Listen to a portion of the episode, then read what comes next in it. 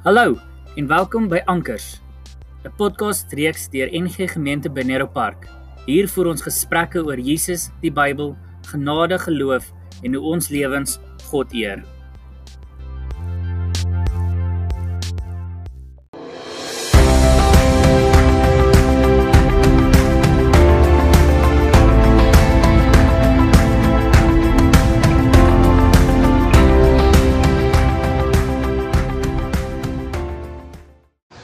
Goeiemôre, Woensdag, die 20ste Januarie.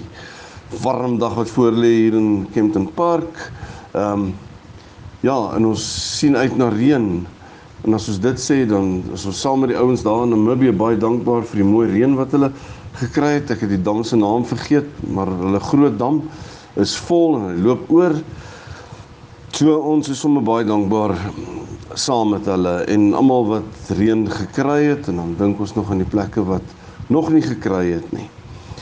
Die afgelope 24 uur um, ek het gister gesê van oom Steve Reinders se suster wat oorlede is in Durban en gistermiddag is oom Johnny Wilkins wat ook lidmaat hier by ons is se suster is baie skielik oorlede en ehm um, ja, nadat sy wat gelyk het soos 'n beroerte is, later het hulle uh vasgestel dit is 'n bloedklont deur haar brein.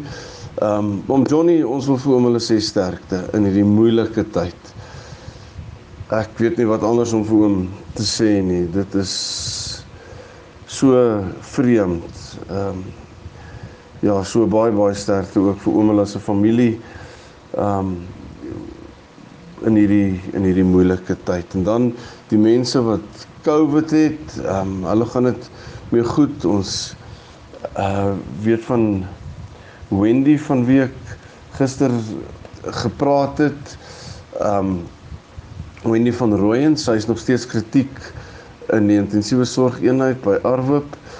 En dan het ons gister ook gehoor ehm um, Tannie Mariaan van die kerk wat ehm um, terug is hospitaal toe. Sy het kanker gehad 'n hele paar jaar gelede en dit het ongelukkig teruggekom en versprei. So ons wil vir haar sê sterkte en ook vir hom Henny wat ondersteun, maar die moeilike ding is dat hy nie kan hospitaal toe gaan om vir haar te sien nie. So baie baie sterkte vir almal ehm um, wat in hierdie moeilike tyd mense in die hospitaal het en hulle nie kan besoek nie. Ek het die afgelope tyd net bewus geword daarvan oor watter rol dankbaarheid in ons lewe speel. Ek het 'n paar jaar die storie gelees van twee ouens wat by 'n winkel kom en die een ou vra vir die ander ou, "Hoe gaan dit?" Hy sê, "Ag nee, wat jong, klaar jy maar eerste." En ek het so van gister af weer aan daai storie gedink ons kla so maklik en so aan en ons is partykeer nie dankbaar vir die goed wat ons wel het nie. As 'n mens hoor hoe dit met mense om ons gaan in terme van mense wat siek is, wat sterf en so aan, dan sê ek en Anneke baie keer vir mekaar as ons dink ons het probleme of onsekerheid in ons lewe so aan en jy hoor wat in ander mense se lewens aangaan, dan vat ons maar net ons pakkie weer so terug. Ek het die pragtige storie gelees wat 'n ware verhaal van koningin Victoria is. Um en een van die stories is kort na haar dood vertel en dit word vertel dat terwyl sy die gewonde soldate besoek het wat uit Suid-Afrika gebring is, was sy baie ontsteld geweest oor die voorkoms van een man wat aaklig vermink is deur die wonde wat hy opgedoen het en sy vra toe vir hom, sy buig af en sy vra toe vir hom, is daar nie iets wat ek vir jou kan doen nie? Sy het natuurlik nou nie Engels gepraat nie, ag Afrikaans gepraat nie. Ehm um, maar sy vra toe vir hom, is daar nie iets wat ek vir jou kan doen nie? En hy antwoord toe dadelik, hy sê niks nie, u majesteit, behalwe as jy my verpleegster wil bedank vir haar goedheid en sorg vir my. En dan word dit vertel dat die koningin na die verpleegster gedraai het en met trane in haar oë toe vir haar gesê het: "Hoorie, ek bedank jou met my hele hart vir jou sorg en goedheid." Aan hierdie arme gewonde kind van my. In die les amper in hierdie ding is is dat die soldaat se eie belang op die agtergrond geskuif het toe die koning ingevra het om sy dankbaarheid aan die verpleegster te betuig. Ons kla eerder as wat ons dankbaar is. En ek dink ons vergeet om net dankbaar ook te wees vir dit wat ons het. Iemand het eendag gesê die regte perspektief op die lewe en op dankbaarheid is as jy nie al die dinge wat jy graag wil hê het nie, wees dankbaar dat jy nie al die dinge wat jy nie wil hê nie gekry het. Ek meen ons baie goed in die lewe wat ons ook nie wil hê nie, maar ons het nie almal van hulle gekry nie.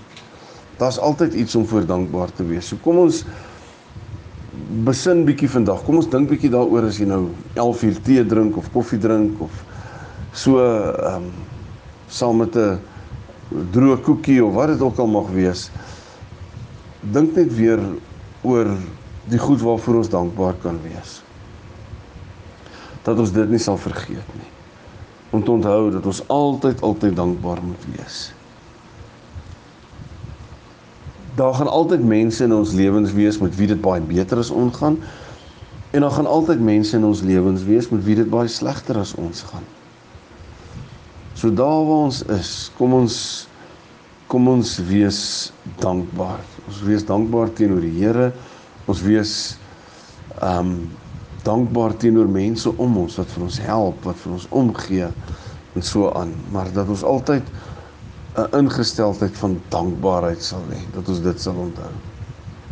Kom ons bid dan sê ons dankie ook vir die Here. Hemelse Vader,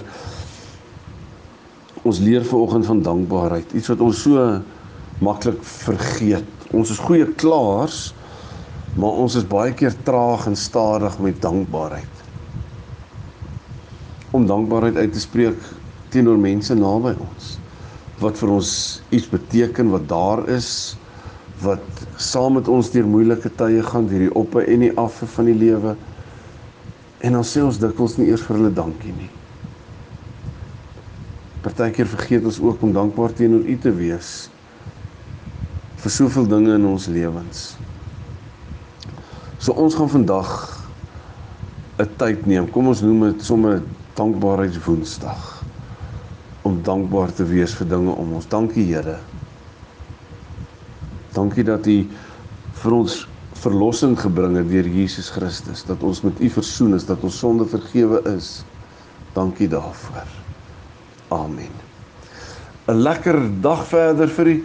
Kom ons probeer en sê ons Woensdae is ons dag om dankbaar te wees. Dat ons net weer dankbaar is vir die dinge en mense wat ons om ons het. Lekker dag verder. Ons gesels weer môre oggend. Totsiens.